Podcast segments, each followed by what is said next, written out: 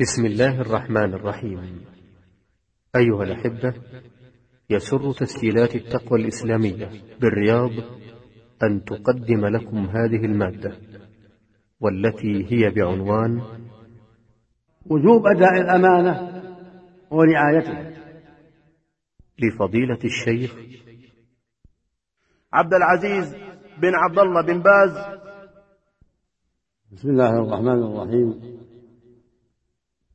إن الحمد لله نحمده ونستعينه ونستغفره ونعوذ به من شرور أنفسنا ومن سيئات أعمالنا. من يهده الله فلا مضل له ومن يضلل فلا هادي له. وأشهد أن لا إله إلا الله وحده لا شريك له وأشهد أن محمدا عبده ورسوله صلى الله وسلم عليه وعلى آله وأصحابه. يا أيها الذين آمنوا اتقوا الله حق تقاته ولا تموتن إلا وأنتم مسلمون. يا أيها الناس اتقوا ربكم الذي خلقكم من نفس واحدة وخلق, وخلق منها زوجها وبث منهما رجالا كثيرا ونساء واتقوا الله الذي تساءلون به والأرحام إن الله كان عليكم رقيبا. يا أيها الذين آمنوا اتقوا الله وقولوا قولا سديدا. يصلح لكم أعمالكم ويغفر لكم ذنوبكم. ومن يطع الله ورسوله فقد فاز فوزا عظيما. أما بعد أيها الإخوة في الله فإني أشكر الله عز وجل على ما على ما على ما من به من هذا اللقاء في بيت من بيوت الله في إخوة في الله وأخوات في الله للتناصح والتواصي بالحق والتعاون على البر والتقوى.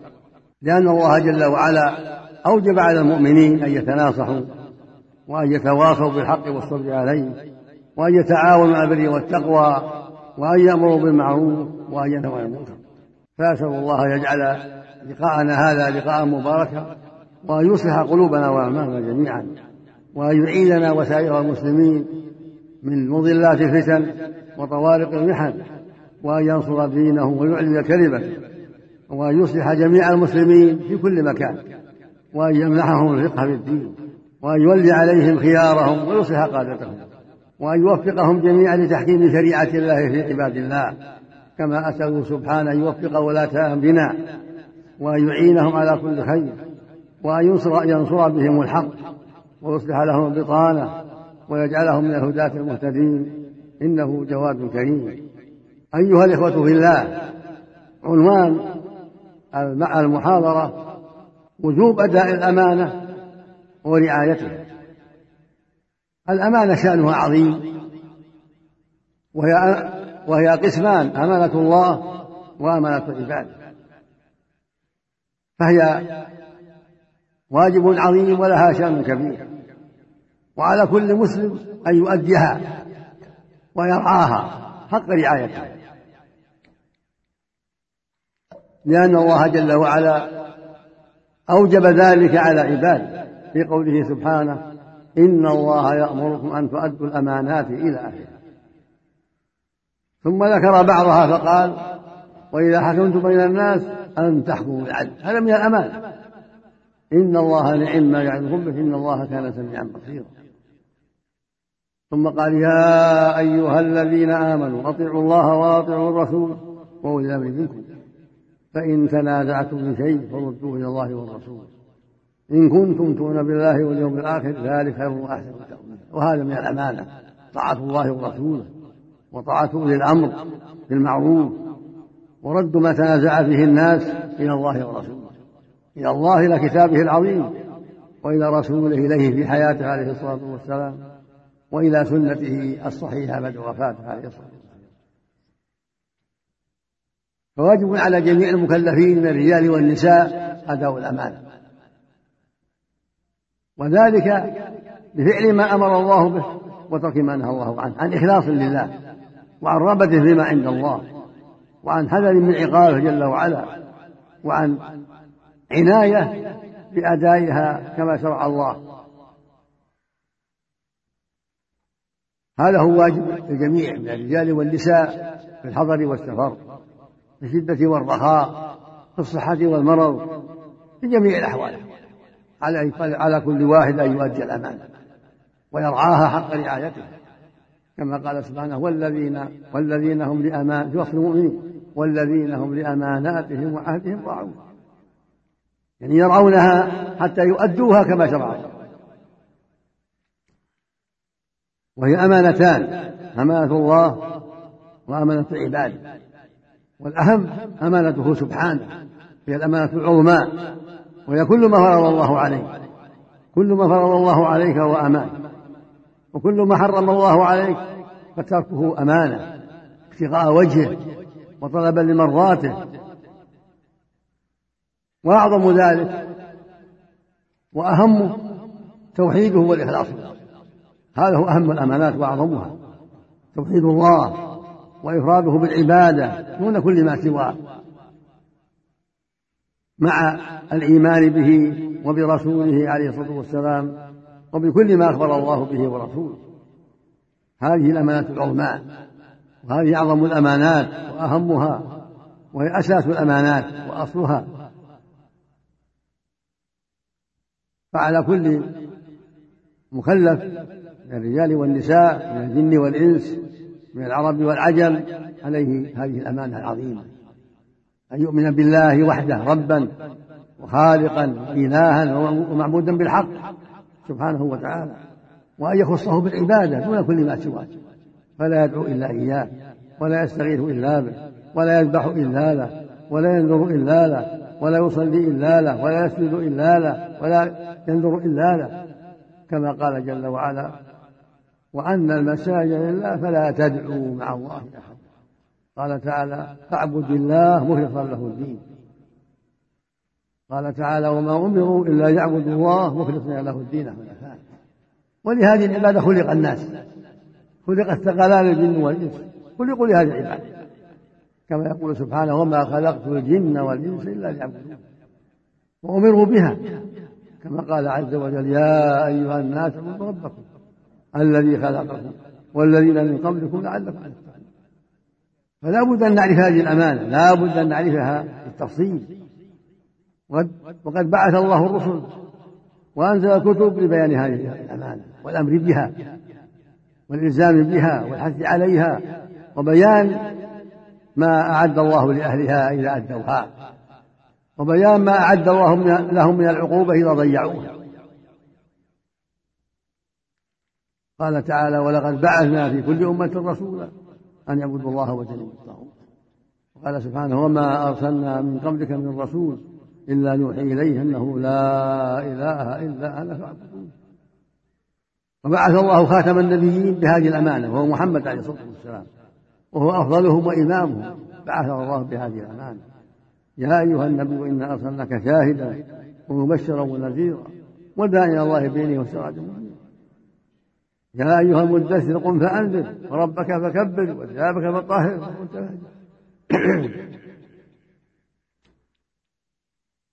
يا أيها النبي اتق الله. فهو, صلى الله عليه وسلم هو أفضل الرسول وأعظم الرسول عليه الصلاة والسلام وهو خاتم الرسل. هو خاتم الرسل عليهم الصلاة والسلام وهو إمامهم وأفضلهم وقدمهم. بعثه الله بهذه الأمانة. يدعو الناس إلى توحيد الله وينذرهم الشرك بالله عز وجل. وقد أقام في المدينة في مكة المكرمة عشر سنين يدعو الناس إلى هذه الأمانة العظمى قبل كل شيء إلى توحيد الله والإخلاص به وترك الإشراك به. ويقول يا قوم قولوا لا إله إلا الله. تفلحون وأنزل في هذا سبحانه قوله تعالى وعجبوا أن جاءهم منذر منهم وقال الكافرون هذا ساحر كذاب أجعل الآلهة إله واحدا إن هذا لشيء عجاب وقال عنهم سبحانه إنهم كانوا إذا قيل لهم لا إله إلا الله يستكبرون ويقولون أئنا لتاركوا آلهتنا شاعر مجنون. فقد أقام صلى الله عليه وسلم عشر سنين في مكة المكرمة يدعو الناس إلى توحيد الله. إلى تحقيق هذه الكلمة. لا إله إلا الله. وذلك بإخلاص العبادة لله وحده والإيمان بأنه معبود بالحق وأنه رب العالمين وأنه مستحق العبادة وأن جميع ما عبد من دونه كله معبود بالباطل كما قال سبحانه ذلك بأن الله هو الحق وأن ما يدعون من دونه هو الباطل. وكانت العرب وغيرها لهم آلهة يعبدونهم من دون الله من الأصنام والأشجار والأحجار. والأشخاص والملائكة والأنبياء وغير ذلك. فأرسل الله الرسل جميعا كلهم يدعون إلى توحيد الله وإبطال هذه الشركيات والنهي عنها والتحذير منها. وكلهم جميعا عليهم عليهم الصلاة والسلام أوضحوا للناس لأممهم أن الواجب عليهم إخلاص العبادة لله وحده كما قال عن نوح وعن هود وعن صالح وغيرهم. أنهم قالوا لقومهم اعبدوا الله ما لكم من إله غيره. ويقول سبحانه وقضى ربك ألا تعبدوا إلا إياه. ويقول عز وجل إياك نعبد وإياك نستعين. وما أمروا إلا ليعبدوا الله مخلصين له الدين حنفاء. ويقول عز وجل فاعبد الله مخلصا له الدين. ألا لله الدين الخالص. وأعظم الشرك المنافي للتوحيد أعظم أعظم المعاصي المنافي للتوحيد الشرك بالله. فتركه هو مقتضى الأمانة التي هي توحيد الله والإخلاص فلا تحصل هذه الأمانة إلا بترك الشرك وإخلاص العبادة لله وحده. فالشرك هو أعظم الذنوب وأقبحها وأشدها إثما والتوحيد هو أعظم الواجبات وأعظم الفرائض وأهمها وأعظمها ثوابا وعاقبة حميدة. فالواجب على جميع المكلفين العناية بهذه الأمانة وأن يكون في غاية من الإخلاص لله في أقواله وأعماله بعيدا عن الشرك بالله عز وجل في أقواله وأعماله. هذا هو أصل الدين وأساس الملة. قال الله جل وعلا في كتابه العظيم وهو أصدق القائلين إن الله لا يغفر الشكر ويغفر ما دون ذلك من يشاء. قال سبحانه ولو أشركوا لحبط عنهم ما كانوا قال سبحانه ولقد أوحي إليك وإلى الذي من قبلك لئن أشركت لئن أشركت ليحبطن عملك ولتكونن من الخاسرين. يبين سبحانه أن هذا الذنب هو أعظم الذنوب وأنه ضد الأمانة التي هي توحيد الله والإخلاص. فلا بد من تحقيق هذه الأمانة بإخلاص العبادة لله وحده وترك الإشراك ثم على المؤمن بعد ذلك أن يعتني بقية الأمانة من صلاة وصوم وزكاة وحج وجهاد وبر الوالدين وصلة رحم وأداء الحقوق التي عليه لله كلها مع الأمر بالمعروف مع النهي عن المنكر مع ترك جميع كل هذا من الأمان كلهم من الأمان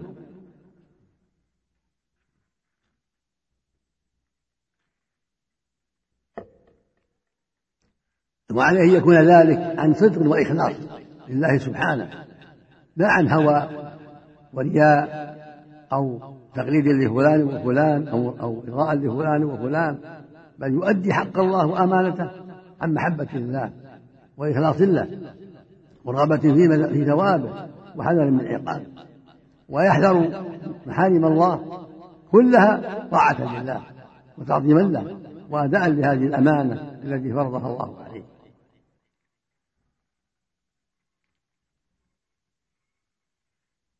ومن الأمانة أن تجتهد في إقام الصلاة كما شرع الله فإنها أعظم الأمانات بعد توحيد الله والإخلاص وترك الإشراك. فهي عمود الإسلام. فعلى المؤمن والمؤمنة العناية بهذه الصلاة وأن يؤديها كما شرع الله في وقتها في أركانها في واجباتها حتى يؤديها كما وجبت عليه. الرجل يؤديها في الجماعة في مساجد الله والمرأة تؤديها في وقتها في بيتها كما أمر الله وترعاها حق الرعاية كما يرعاها الرجل حق الرعاية. والذين هم على صلواتهم يحافظون. لا تكفر والذين هم على صلاتهم يحافظون. أولئك في جنات مكرمون. حافظوا على الصلوات والصلاة الوسطى وأقيموا الصلاة وآتوا الزكاة واركعوا مع الراكعين إلى غير ذلك. وقد أكثر الله من ذكرها في كتابه العظيم. وأثنى على أهلها كثيرا. ووعدهم الجنة والكرامة.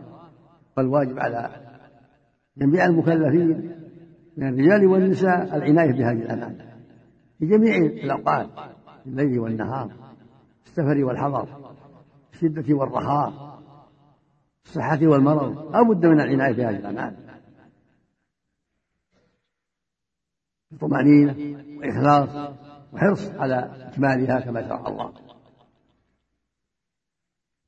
وإياك أن تشغل عنها بحظ النفس والهوى من نوم أو سهرة مع زملاء أو غير ذلك. يجب أن تؤدي هذه الأمانة مع إخوانك في مساجد الله في بيوت الله. واركعوا مع الراكعين صلوا مع المصلين. ومن عظم شأن الجماعة أن أوجبها الله حتى في الخوف في صلاة الخوف. كما قال تعالى وإذا كنت فيهم قبل لهم الصلاة فلتقم طائفة معك وليأخذوا أسلحتهم فإذا سجدوا فليكونوا ورائك ولتأتي طائفة أخرى يصلوا فليصلوا معك وليأخذوا حذرهم وأسلحتهم من الآية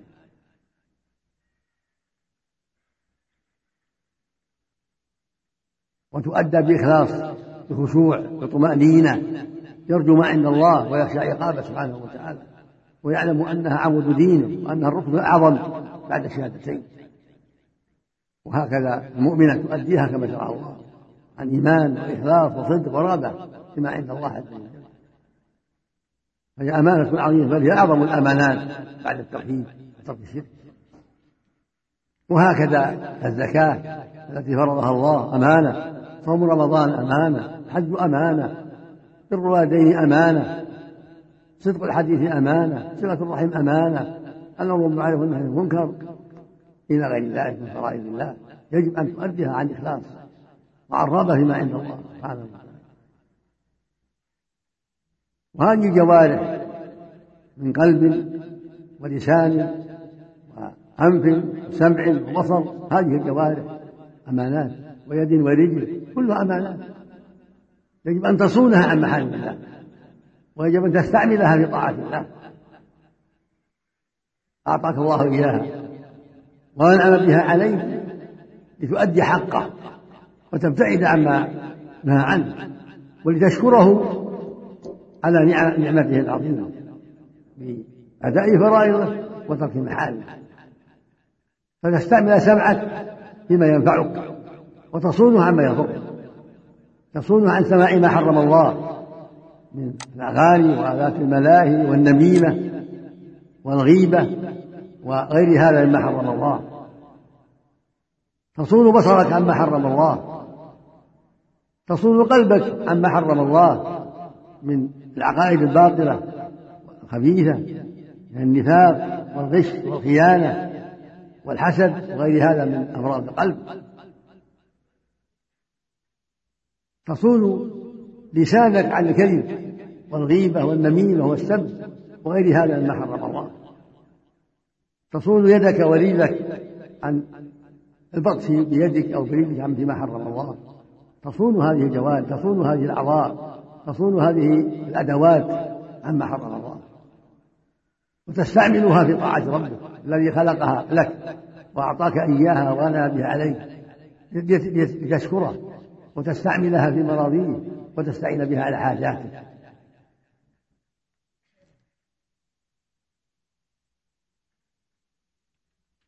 فالمؤمن والمؤمنة كلاهما يجتهدان في أداء هذه الأمانة حقا عن إخلاص وصدق ورغبة فيما عند الله عز وجل.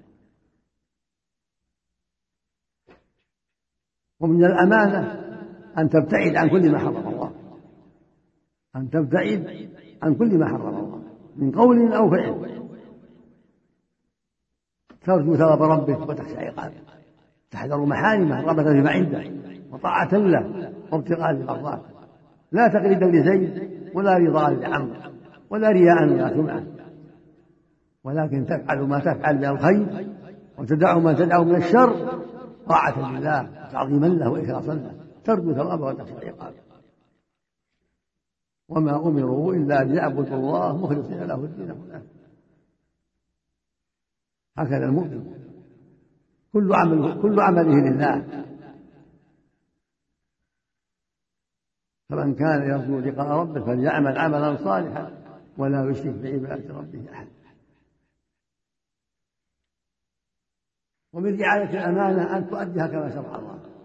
أن تؤديها كما شرع الله. بدون غلو وبدون جفاء. فالصلاة تؤديها كما شرع الله بغير زيادة ولا غلو ولا جفاء وتقصير. وهكذا الزكاة والصوم والحج والإحسان تتحرى ما شرع الله. من دون زيادة ولا نقص. وهكذا الدعوة إلى الله والأمر بالمعروف والنهي عن المنكر وبر الوالدين تؤدي ذلك بالأمانة بإخلاص بتحري للشرع. فلا تكن غاليا بأفعالك زائدا مفرطا لا. ولا تكن جافيا مقصرا ولكن عليك بالسداد عليك بالاستقامة عليك بتحري الحق في أقوالك وأعمالك. فلا غلو ولا إفراط ولا تقصير وجفاء كما قال صلى الله عليه وسلم هلك المتنطعون هلك المتنطعون هلك المتنطعون. يعني المتكلفون الزائدون على ما على ما شرع الله. ويقول صلى الله عليه وسلم إياكم والغلو في الدين فإنما أهلك من كان قبلكم في الدين. والله يقول سبحانه يا أهل الكتاب لا تغلوا في دينكم. يخاطب أهل الكتاب والأمر عام لنا ولهم نهاهم فهو نهي لنا. أن نغلو في الدين كما غلا أولئك. وليس لنا أن نقصر ونجفو كما جفى الآخرون. ولكن بالقسط نسير بالقسط. وكذلك جعلناكم أمة وسطا. لا غل لا غلو ولا تقسيم. لا زيادة ولا جفا بل على الطريقة والسيرة التي رسمها الله لعباده وسار عليها رسول عليه الصلاة والسلام. فالمؤمن والمؤمنة دائما وأبدا يتحريان ما شرع الله في كل شيء ويبتعدان عما حرم الله في كل شيء وهكذا تؤدى الأمانة. هكذا تؤدى الأمانة.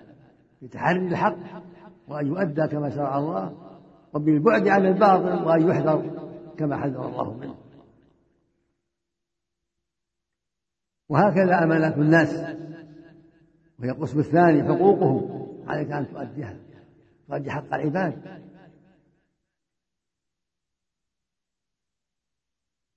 في البيع والشراء في التأجير في المداينة في غير ذلك.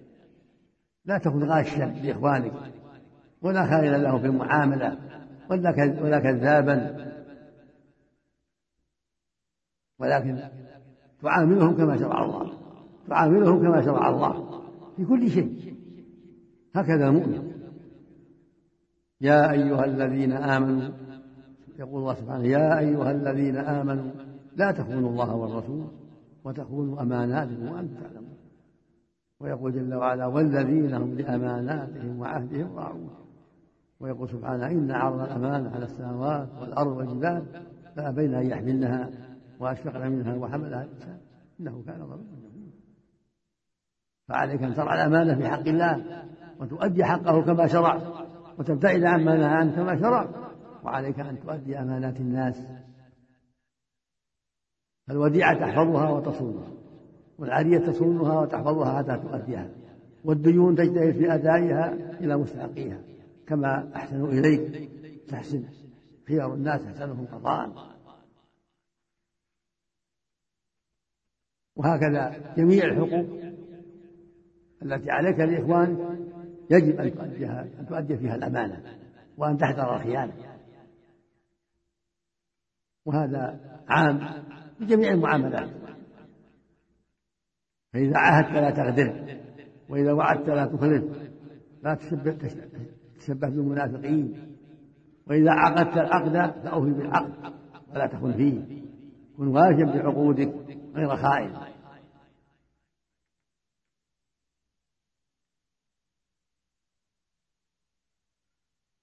وهكذا من أداء الأمانة أن تعدل في الخصومة فلا تظلم خصمك. تعدل في الخصومة تطلب حقك بعدل بغير كذب ولا ظلم. وإذا كان الحق عليك تؤديه بغير ظلم.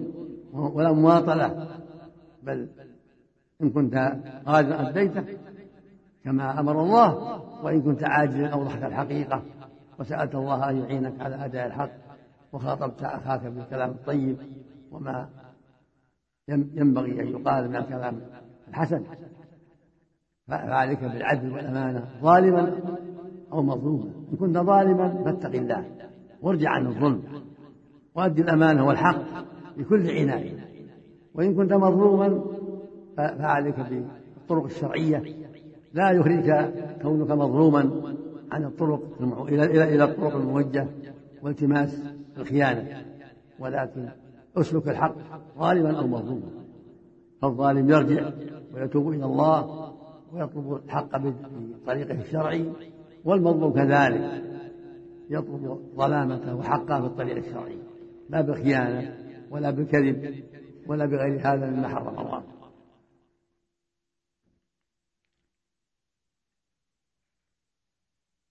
ومتى أدى المؤمن الأمانة ورعاها وأدت المؤمنة الأمانة ورعتها استقام أمر الناس واستقام المجتمع وصلح في دينه ودنياه. ومتى خان هذا وخان هذا وخانت هذه وخانت هذه كثر الفساد.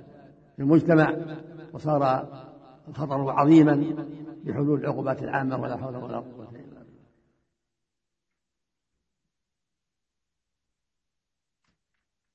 ولا بد من الجهاد للنفس لأن النفوس ميالة إلى بعض إن النفس لأمارة بالسوء إلا ما رحم ربك فلا بد من جهاد هذه النفس. قال تعالى والذين جاهدوا فينا لنهدينهم سبلنا. لا بد من جهاد. كل واحد جاهد نفسه. حتى يؤدي الحق الذي عليه وحتى ينصف أخاه وحتى لا يخونه. في شيء. ومن جاهد فإنما جاهد نفسه. فأنت مخلوق للعمل. مخلوق لعبادة الله لطاعة الله. فعليك أن تجتهد في أداء حق الله وحق عباده كما أمر الله. وكما أمر الرسول عليه الصلاة والسلام ولا بد من الجهاد والصبر والعصر إن الإنسان لفي خسر إلا الذين آمنوا وعملوا الصالحات وتواصوا بالحق وتواصوا لا بد من الإيمان بالله ورسوله ولا بد من العمل الصالح الذي أوجبه الله عليه وهو من الإيمان. فلا بد من أداء ما فرض الله وترك ما حرم الله تحقيقا لإيمانك وأداء لواجب إيمانك ومنه التواصي بالحق والتناصر. فهو من واجبات الإيمان ومكملات الإيمان. وهكذا التواصي بالصبر. فهما عملان صالحان داخلان في الإيمان وفي العمل الصالح ولكن الله نبه عليهما لعظم شأنهما. فلا بد من التواصي ولا بد بالصبر بالحق والتواصي بالصبر. الرجل مع إخوانه وزملائه وأهل بيته والمرأة كذلك مع أهل بيتها ومع زوجها ومع زميلاتها إلى غير ذلك. التواصي بالحق والتواصي بالصبر ومن ذلك التواصي بأداء الأمان وعدم الغش والخيانة في كل شيء. لا يمنعك حبه وقرابته منك أن تنصح له وأن تأمره بأداء الأمانة ولا يحملك بغضه على أن تغشه وتخونه ولكن تؤدي الأمانة لصديقك أو عزيزك وإذا قلتم فاعدلوا ولو كان ذا قربى يا أيها الذين كونوا قوامين بالقسط شهداء لله. أخرى يا أيها كونوا قوامين لله شهداء بالقسط. ولا يجرمنكم شنآن قوم على ألا تعدلوا. اعدلوا هو أقرب للتقوى وإذا قلتم فاعدلوا ولو كان ذا قربى وبعهد الله. ويقول عز وجل. والمؤمنون والمؤمنات بعضهم أولياء مقتضى الولاية أن تؤدي الأمان. المؤمن ولي أخيه وأخته لله والمؤمنة ولية أخيها في الله وأختها في الله. فلا بد من أداء للجميع. فلا ظلم ولا غيبة ولا نميمة ولا غش ولا خيانة ولا كذب ولا تعدي على أخيه وأختك في الله. لا في مال ولا في نفس ولا في أرض ومن أداء الأمانة الأمر بالمعروف والتناصح والدعوة إلى الله حسب الطاقة كله من أداء الأمانة. حتى يسعد المجتمع وحتى يستقيم على دين الله وحتى يفوز برضاه وبالعاقبة الحميدة. والغفلة والإعراض والتساهل وسائل للشر والفساد وفساد المجتمع. والعناية بأداء الأمانة والمناصحة والتوجيه إلى الخير. من أعظم أسباب صلاح المجتمع وسعادته وسلامته من غضب الله وعقابه. وهذه الجوارح كلها أمانات. هذه الجوارح كما تقدم كلها أمانات فالواجب أن تصونها عن محارم الله سمعا وبصرا ولسانا وشما ويدا رجلا وجميع أعضاء يجب أن تصونها عن محارم الله. ويجب أن تستعين بها في أداء ما أوجب الله عليك وأن تحذر ما حرم الله عليك. وأن تكون عونا لأخيك في كل خير وعونا له على ترك كل شر. كما قال النبي صلى الله عليه وسلم في الحديث الصحيح لا يؤمن أحدكم حتى يحب الأخير ما في نفسه. والحديث الآخر المؤمن للمؤمن كالبنيان يشد بعضه. بعضا ويقول صلى الله عليه وسلم من كان بحاجة أخيه كان الله بحاجته والله في عون العبد ما كان العبد في عون أخيه. ويقول صلى الله عليه وسلم مثل المؤمنين في توادهم وتراحمهم وتعاطفهم مثل الجسد. يعني الواحد إذا اشتكى من عضو تداعى له سائر الجسد والحزن هم شيء واحد. التناصح التعاون على الخير التواصي بالحق. ويقول عليه الصلاة والسلام الدين النصيحة. الدين النصيحة. لمن يا رسول الله قال لله. ولكتابه ولرسوله ولأئمة المسلمين لا بد أن تنصح لله بتوحيده وطاعته واتباع شريعته والإيمان به وبرسله عليهم الصلاة والسلام وتصديق كل ما أخبر الله به ورسوله. ولا بد من الإيمان بالرسول بالكتاب العزيز وهو القرآن تصديق أنه كلام الله وأنه جاء بالحق وأن الواجب طاعته. وامتثال ما فيه والحذر مما نهى عنه هذا هذا القرآن. لأنه كتاب الله. نهانا فيه وأمرنا. فالواجب أن ننصح له بامتثال أوامره وترك نواهيه. والإيمان بأنه كلام الله حقا. منه بدا وإليه وهكذا نصح الرسول صلى الله عليه وسلم بالإيمان بأنه رسول الله وتصديقه فيما جاء به واتباع شريعته والحذر مما نهى عنه. ورد ما تنازع فيه الناس إلى الله والرسول. كله من النصيحة أن أن نرد ما تنازع فيه الناس إلى كتاب الله وسنة رسوله عليه الصلاة هذا من النصيحة لله والعباد ولكتابه والنصيحة لعامة المسلمين بالدعاء لهم ظهر الغيب أن الله يوفقهم ويهديهم صراطه المستقيم ويعينهم على كل خير ويصلح لهم البطانة. والتعاون معهم في كل خير. التعاون معهم في كل ما هو طاعة لله والتعاون معهم في ترك كل ما نهى الله عنه. والمناصحة شرعية كتابية كل هذا من لولاة والتعاون معهم في الخير وفي ترك الشر. والنصيحة لعامة المسلمين بتعليمهم توجيههم. هذا من الأمان على ولاة الأمور وعلى العلماء أن ينصحوا لعامة المسلمين. وأن يؤدوا لهم الأمانة. التوجيه التعليم والإرشاد وإقامة الحدود والأمر بالمعروف والنهي عن المنكر حتى يستقيموا وحتى يسلكوا الطريق القويم الذي به سعادتهم وبه نجاتهم كل هذا من أداء الأمانة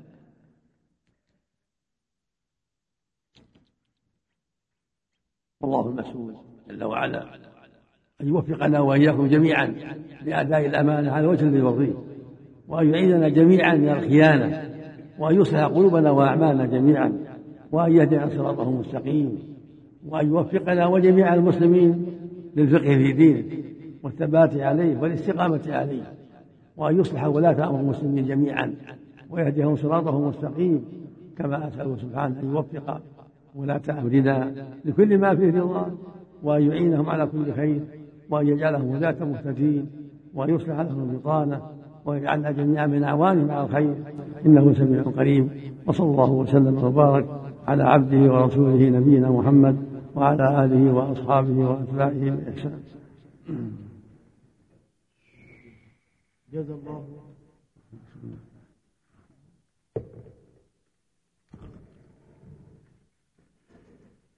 جزا الله خير الجزاء. سماحة الوالد الشيخ عبد العزيز بن عبد الله بن باز الرئيس العام في إدارات البحوث العلمية والإفتاء والدعوة والإرشاد على هذه المحاضرة القيمة خير الجزاء. أسأل الله عز وجل أن يوفقني وإياكم ويجعلني وإياكم ممن يستمعون القول فيتبعون أحسنه وأن يوفقنا جميعا لأداء الأمانة حق القيام حق الأداء بقسميها. أمانة الله وأمانة العباد. إنه ولي ذلك والقادر عليه سبحانه وتعالى. أما الآن فدور الأسئلة. السؤال الأول يقول السائل هل يندرج الموظف الذي لا يؤدي عمله على الوجه المطلوب؟ هل يندرج تحت هذا القول؟ قول الله عز وجل ويل للمطففين. وبما تنصحون من هذا حاله وبما وبما تنصحون رئيسه الذي يعلم عنه ويسكت. الموظفون داخلون في ذلك. كل موظف عليه أن يؤدي الأمانة التي أسندت إليه. الأمير يؤدي الأمانة والقاضي يؤدي الأمانة ومدير المدرسة مدير الشرطة مدير البلدية رئيس البلدية الشرطي الجندي كل واحد عليه أن يؤدي أمانة كما شرع الله. عليه أن يؤدي الحق الذي أسد إليه وأن يخلص فيه وأن ينصح فيه وأن لا يخون من من من ائتمنه في ذلك سواء كان موظفا للدولة أو موظفا لغيرها من الرعية. على الموظف أن يؤدي حق الله. أولا الذي عليه وأن يؤدي حق الذي ائتمنه. وجعل في هذه الوظيفة أي وظيفة كان؟ من تدريس أو قضاء أو جندية أو غير ذلك أو بيع أو شراء أو بناء أو غير ذلك من الشؤون.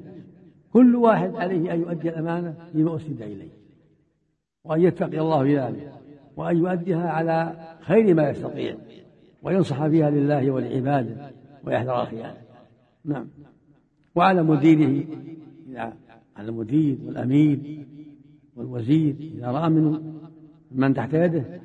شيئا من الخيانة والتقصير أن يقوم عليه وأن يوجهه إلى الخير وأن ينصح له حتى يؤدي الواجب وأن يعاقبه إذا لم ينفع به النصح بما يستحق من العقوبات التي قد عينت وبينت ويعرفها حسب التعليمات التي لديه يعاقبه بالعقوبات التي لا تخالف شرع الله عز وجل حتى يرتدع عن خيانته وعن تقصيره. هل خائن الأمانة منافق؟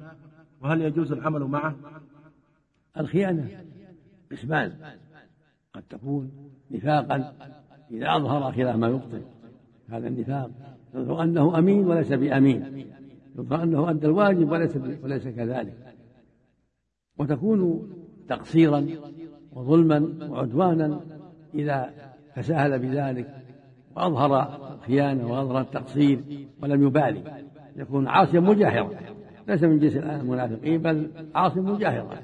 فيستحق العقوبة بقدر بقدر تقصيره وإخلاله بالأمانة. يقول السائل أدى في هذا الزمان انغماس كثير من الشباب والفتيات في الملذات والشهوات مع علم الآباء بذلك أو من له ولاية عليهم دون أن يفعل شيء شيئا لهم مما أدى إلى كثرة الفساد والتعريض للفساد. نسأل الله السلامة. نرجو من الله ثم منكم النصح لولاة الأمور. وجزاكم الله خيرا. الواجب على ولاة الأمور وعلى كل إنسان أن ينصح لله ولعباده فعلى القائم على البيت أن يتقي الله في أهل البيت من أولاده وزوجاته وغيرهم حتى يستقيموا الحق وحتى يؤدوا الأمانة وحتى يحذروا ما حرم الله ويبتعدوا عما حرم الله. وعليه أيضا هو أن يكون أسوة قدوة لهم الخير. عليه أن يكون قدوة. فإذا رأوه لا يصلي تأسوا في عدم الصلاة. وإذا رأوه يدخن تأسوا في ذلك. وإذا رأوا حليقا تأسوا به إلا من رحم الله. وهكذا. فعليه يؤدي الأمانة بطاعة الله ورسوله. هو أولا يبدأ بنفسه. عليه يجاهدها لله حتى يكون قدوة في الخير. وعليه أيضا أن يجتهد في إصلاح من تحت يده. وهكذا الأمير هكذا مدير أي مكان مدير مدرسة مدير الشرطة أي مدير أي عمل يجعل فيه مديرا.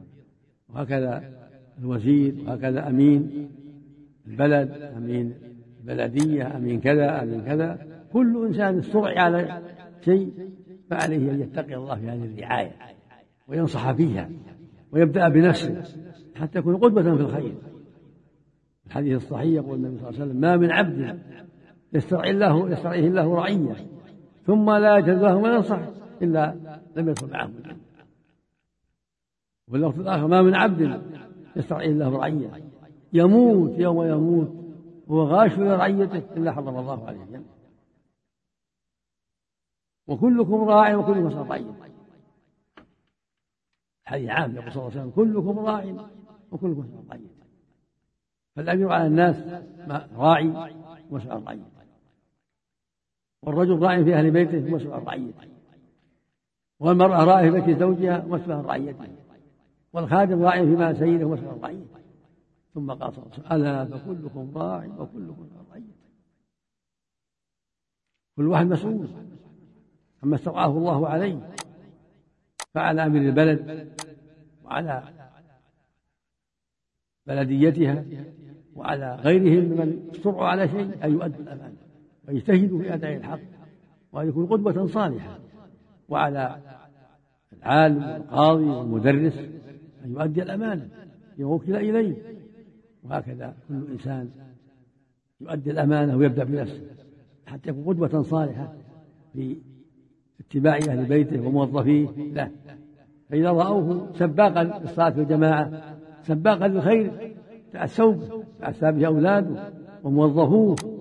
وإذا رأوه منحرفا متأخرا عن الصلاة منهمكا في المعاصي يتأسى به كثير منهم أو كلهم إلا من رحم الله فالواجب الحذر. الواجب الحذر أن تكون قدوة في الشر. والواجب أن تحرص على أن تكون قدوة في الخير قدوة في طاعة الله ورسوله إماما في الخير. ولهذا كان من دعاء عباد الله الصالحين عباد الرحمن أنهم قالوا اللهم اجعلنا والذين لا يشهدون وإذا مروا مروا كراما. والذين ذكروا لم يخروا والذين يقول ربنا هب لنا. والذين يقول ربنا هب لنا من أزواجنا وذرياتنا قرة أعين واجعلنا للمتقين اماما فسالوا الله يهب لهم من أزواجهم وذرياتهم قرة أعين وان يجعلهم للمتقين اماما فكنا المؤمن إماما في الخير وقدوة في الخير هذه نعمة عظيمة ويحصل مثل أجور من هداه الله عليه. كما قال صلى الله عليه وسلم من دل على خير فله مثل أجر فإذا كان الأمير والوزير والمدير وغيرهم إذا كانوا قدوة في الخير صار لهم مثل أجور أتباعهم ومن تأسى بهم الخير. وإذا كنوا قدوة في الشر ودعاة للشر صار عليه صار عليه مثل أوزار من تبعهم الشر الذي دعوا إليه واقتدى بهم من من هو تبع لهم في ذلك. ولا حول ولا قوة إلا بالله. تشكو كثير من الإدارات كثير من الإدارات أو الشركات من تضييع الصلوات وعدم العناية بها. وأحسن أحوالها عندما يوجد في بعضها مصلى صغير يصلى فيه, يصلي فيه المراجعون وكثير من الموظفين والإداريين. يتهاون البعض في إقامة الجماعة في أعمالهم. ألا يتعارض هذا مع أمانتهم؟ ثم نرجو التوجيه بإقامة مصليات كبيرة في كل الدوائر وتتوقف الأعمال تماما مع وقت الصلاة. هذا هو الواجب الواجب على جميع الدوائر أن تتوقف وقت الصلاة ويصلوا جميعا في المسجد الذي يليهم وإذا بعدت عنهم مساجد جعلوا مسجدا أو مصلى عندهم يصلون فيه جميعا. ويكون رئيس الدائرة وموظفوها الكبار هم هم السابقون هم القدوة يتقدمون إلى الخير حتى يقتدي بهم من دونهم. لا يتأخرون على مدير المحل ورئيس المحل وعلى موظفيه الكبار أن يكونوا سابقين الخيرات مسارعين الخيرات يقتدى بهم الخير فيكونوا في الصف الأول مسارعين الصلاة لأدائها في الجماعة حتى يقتدي بهم من دونهم. هذا هو الواجب على الجميع وعلى ولاة الأمور أن يلاحظوا هذا. على ولاة الأمور أن يلاحظوا جميع الدوائر حتى تستقيم على أمر الله حتى يؤدوا الصلاة كما شرع الله. نعم. يقول السائل رجل يسكن في جدة ويريد حج هذا هذا العام ويريد إيصال أهله إلى المدينة فهل يحرم من ميقات أهل المدينة أم من جدة؟ إذا كان سكان جدة فإن الإحرام عليه يكون من جدة ولو ذهب المدينة. ذهب المدينة لإيصال أهله أو لحاجات أخرى ثم رجع يحرم من أهله. من ميقاته ميقاته أهله من دون المواقيت ميقاتهم أهلهم. لما لما وقت النبي صلى الله عليه وسلم المواقيت قال صلى الله عليه وسلم ومن كان دون ذلك دون مواقيت فمهله من أهله حتى أهل مكة مكة. الذي في جدة من جدة واللي في أم السلام من السلام واللي في الشرايع من الشرايع إذا أراد الحج أحرم مكان أو العمرة أحرم مكان. نعم. هل يجوز استلام أراضي خارج منى؟ ووضع الحجاج فيها بحجة أن هناك ازدحام متوقع. الواجب على كل حاج يلتمس المكان في منى ويجتهد ويعتني ويحرص. فإذا عجز ولم يجد جلس في أي مكان ولا حرج عليه والحمد لله. لكن يحرص على نزوله منى كما بات فيه النبي عليه الصلاة والسلام. فإن عجز ولم يجد وجلس في خارج منى مزدلفة أو من جهة مكة أو في أي مكان فلا حرج عليه. فاتقوا الله ما لا يكلف الله نفسا إلا وسعها. أما التساهل لا يجوز تساهل ولا يتساهل. ويجلس في أي مكان لا. لابد يلتمس يجتهد يسأل يحرص. لعله يجد نعم ما حكم تأخير رمي الجمرات إلى اليوم الثالث من أيام التشريق خوفا من الزحام والعجز عن ذلك؟ السنة المبادرة السنة كما رمى النبي صلى الله عليه وسلم يوم العيد وأيام التشريق السنة مبادرة إلى الرمي يوم العيد ومن عجز رمى في الليل ولا حرج على الصحيح ولا بعد غروب الشمس إلى آخر الليل إذا عجز عن الرمي في النهار أو منعه مانع وهكذا النساء قد يشق عليهم النهار يرمون بالليل ولا يؤخرون هذا هو السنة. ومن أخر أجزأه ذلك بالنية أجزأه بالترتيب بالنية إذا أخر إلى الثاني عشر أو الثالث عشر ثم رتبه بالنية جاز ذلك عند جمع من أهل العلم لكن تركه أولى الذي ينبغي المحافظة على السنة التي فعلها النبي صلى الله عليه وسلم. وإن كانت أيام منها أيام رمي كلها لكن ولو ينبغي المؤمن أن يتسهل بالرخص وأن يعتني بالرمي في يوم العيد والجمرة ثم ينحر هديه ثم يحلق أو يقصر والحلق أفضل كما فعل النبي صلى الله عليه وسلم. وهكذا يوم الحادي عشر يوم الثلاث الجمار يبدأ بالصورة التي تلي مسجد الخيف ثم الوسطى ثم جمرة العقبة هي الأخيرة اللي ترماها يوم العيد تكون هي الأخيرة وهكذا في الثاني عشر. ثم له التعجل قبل الغروب إن شاء. وإن أحب التأخر تأخر إلى يوم الثالث عشر ورمى بعد الزوال قبل غروب الشمس. في اليوم الثالث عشر الرمي كله قبل غروب الشمس في اليوم الثالث لأنه آخر الأيام بعد الزوال إلى غروب الشمس. نعم. هل يجوز الإحرام بالحج تمتعا يوم الثامن من ذي الحجة وأداء العمرة والتحلل منها ثم ثم التلبية بالحج وهو يلبس ملابس الإحرام أم يخلعها لا ويحرم مرة ثانية في الحرم ويذهب إلى منى يوم التروية قبل صلاة الظهر. لا مانع. إذا دخل مكة يوم الثامن من بلاده بالعمرة طاف وسعى وقصر وحل ثم إذا شاء أهل بالحج حالا. وإن اغتسل وتطيب ثم أهل يكون أفضل. ولو كانت إحراماته عليه إذا أهل في الحال لا بأس لكن كونه يضعها ويغتسل ثم يلبسها مرة أخرى أفضل. كما قال النبي عائشة لما أرادت الإحرام اغتسلي ودعي العمرة لما كانت حائضة ولم تتمكن من أداء العمرة أمرها بها. مع العمرة تغتسل وأن تحرم بالحج تكون قارنة المقصود أنه إذا دخل يوم الثامن أو يوم التاسع أو ليلة التاسع معتمرا متمتعا طاف وسعى وقصر وحل هذا أفضل. ثم يلبي بالحج. وإن كان إحراماته عليه. ولكن كونه كونه يغتسل ويتطيب لحجه هذا أفضل. ثم يحرم الحال. في الحال أو بعد ساعة أو بعد ساعتين. يوم الثامن أو في ليلة عرفة أو في صباح عرفة كله بحمد الله واسع لكن الأفضل أن يكون إحرامه يوم الثامن. إذا فرغ من العمرة يوم الثامن يبادر بإحرام الحج ثم يتوجه إلى منى ويصلي بها الظهر والعصر والمغرب والعشاء هذا هو هذا هو السنة التي فعلها النبي صلى الله عليه وسلم في حجة الوداع. نعم. يقول السائل إن أمي امرأة كبيرة في السن ولا تستطيع السفر بالسيارة. حيث إذا ركبت السيارة تصاب بإغماء ولم تؤدي فريضة الحج فهل يجوز أن أحج عنها أو أوكل أو أوكل من يحج عنها؟ نعم. نعم. يقول السائل إن أمي امرأة امرأة كبيرة امرأة كبيرة. ولا تستطيع السفر بالسيارة حتى إذا ركبت السيارة تصاب بإغماء ولم تؤدي فريضة الحج فهل يجوز لي أن أحج عنها أو أوكل من يحج عنها؟ إذا كان في الإمكان أن تحجج الإبل كان تستطيع الحج تطوف تستطيع الحج على الإبل فأن الناس يحجون على الإبل. إذا كانت تستطيع قد اعتادت الإبل وتستطيع الإبل الحج في المحمل تحج في الإبل على الإبل. وأما إذا كانت لا تستطيع ذلك هي معذورة. إذا تستطيع الحج على السيارات وعلى الإبل تحج عنها. جاءت امرأة إلى النبي قالت يا رسول الله إن أبي شيخ كبير. لا يثبت على الراحل أفحج عنه؟ قال حجي عنه وجاءه رجل فقال يا رسول الله إن أبي شيخ كبير. لا يستطيع الحج ولا الظعن أفحج عنه واعتمد؟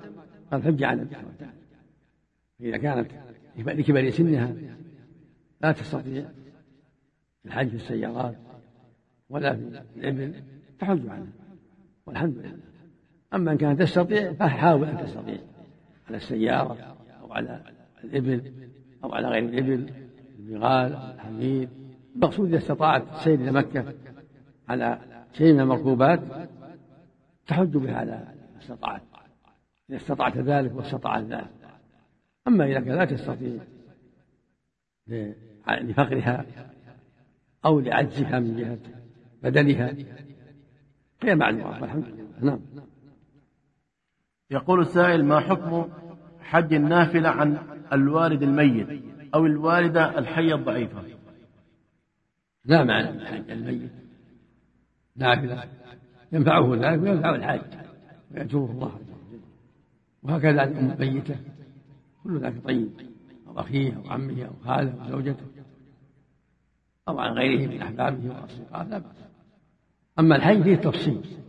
الحي كان عاجزا لا يستطيع الحج الضعن لا يستطيع الحج يحج عن لا بأس ولو ولو نافل أما إن كان يستطيع فلا يحج هذا هو الصواب. لأن الإذن إنما, إنما جاء في من لا يستطيع الحج ولا الضعن نعم. يقول السائل من أخذ عمرة في أشهر الحج ولم ينوي الحج فهل عليه دم؟ إذا أخذ عمرة في أشهر الحج ولم يحج معلش لكن إذا حج صار متمتعا ولو ما نوى التمتع إذا قعد للتجارة أو غيرها وأدى العمرة ونيته أن يرجع إلى أهله ثم وفقه الله وحج يكون متمتع ليس من شرط تمتع النية على الصحيح. من تأدى العمرة والحج في عام واحد والعمرة في أشهر الحج صار متمتعا على الصحيح وإن لم ينوي ذلك عند قدومه وعليه الهدي هدي التمتع شاة واحدة أو سبع بدنة أو سبع بقر. فإن عجز صام عشرة أيام ثلاثة في الحج قبل عرفة أو في أيام بناء تيسر قبل عرفة وسبعة إذا نعم. يقول السائل أسرة لكل فرد منهم دخل معين ويأخذون الأضحية من مالهم المشترك فهل عليهم جميعا الإمساك عن قص الشعر وتقليم الأظافر وغير ذلك بما فيهم النساء؟ إذا كانوا أهل بيت واحد اشتركوا فعليهم أن لا يقصوا شعر ولا ظهر. إذا كانوا مثل أخوين في بيت واحد أو ثلاثة أو أب وأولاد مشتركون في المال وضحوا لا يأخذوا شعرا ولا ظهر إذا دخل شهر الحجة حتى يضحوا لأنهم مضحون يعمهم الحديث. يقول النبي صلى الله عليه وسلم إذا دخل شهر الحجة وأراد أحد أن يضحي فلا يأكل من شعره. ولا من ظهره ولا من بشرته شيئا. حتى يعني حتى يضحي أما إن كانوا لا تابعين. تابعين لأبيهم أبوهم هو اللي يضحي من ماله. أو لأخيهم أخوهم هو القائم على البيت هو اللي يضحي من ماله. المضحي هو الذي أنفق المال الذي أخرج المال. اشترى الضحية هو المضحي. لا يأخذ من شعره ولا من قريشه أما غيره فليس بمضحي بل هو مضحى عنه. فالصحيح أنه لا يلزمه وإن قال بعض الفقهاء يكف يكف عن شعره. لكن لا دليل على ذلك. المضحي من أخرج المال من أنفق المال في الضحية من ماله نعم. أما الوكيل وكيل الضحايا والأوقاف والوصي ليس بمضحي ولا يمتنع ولا يلزمه ولا يلزمه الامتناع من أظفار أو شعر. نعم. يقول السائل يوجد لي جيران ولكنهم لا يصلون في المسجد جميع الأوقات. ولم أشاهدهم في المسجد منذ أن سكنت منذ سنوات وسبق أن نصحتهم عدة مرات ولكن لا فائدة. فما هو توجيهكم في ذلك؟ الواجب نصيحتهم والاستمرار في نصيحتهم منك ومن إخوانك. الجيران تذهب إليهم أنت وإخوانك ثلاثة أربعة تنصحونهم ترشدونهم الخير حتى يؤدوا الصلاة في الجماعة. هذا الواجب عليكم. والواحد قد يتساهلون لكن إذا ذهبت معك جماعة من إخوانك ولا سيما إمام المسجد يكون في ذلك الخير العظيم لعلهم يفتحون ويستجيبون للحق. فإن أصروا ولم يبالوا فارفعوا أمرهم إلى الهيئة حتى تقوم بالواجب في إلزامهم بالحق وزجرهم عن الباطل وتأديبهم. لا يجب السكوت عنهم ويستحقون الهجر. الهجر والتأديب إذا لم يقبلوا النصيحة ولم ينصعوا للحق لأن الصلاة في الجماعة واجبة ومن خصال أهل الإيمان والتخلف عنها من خصال أهل النفاق نسأل الله. هل يسن للحاج أن يضحي؟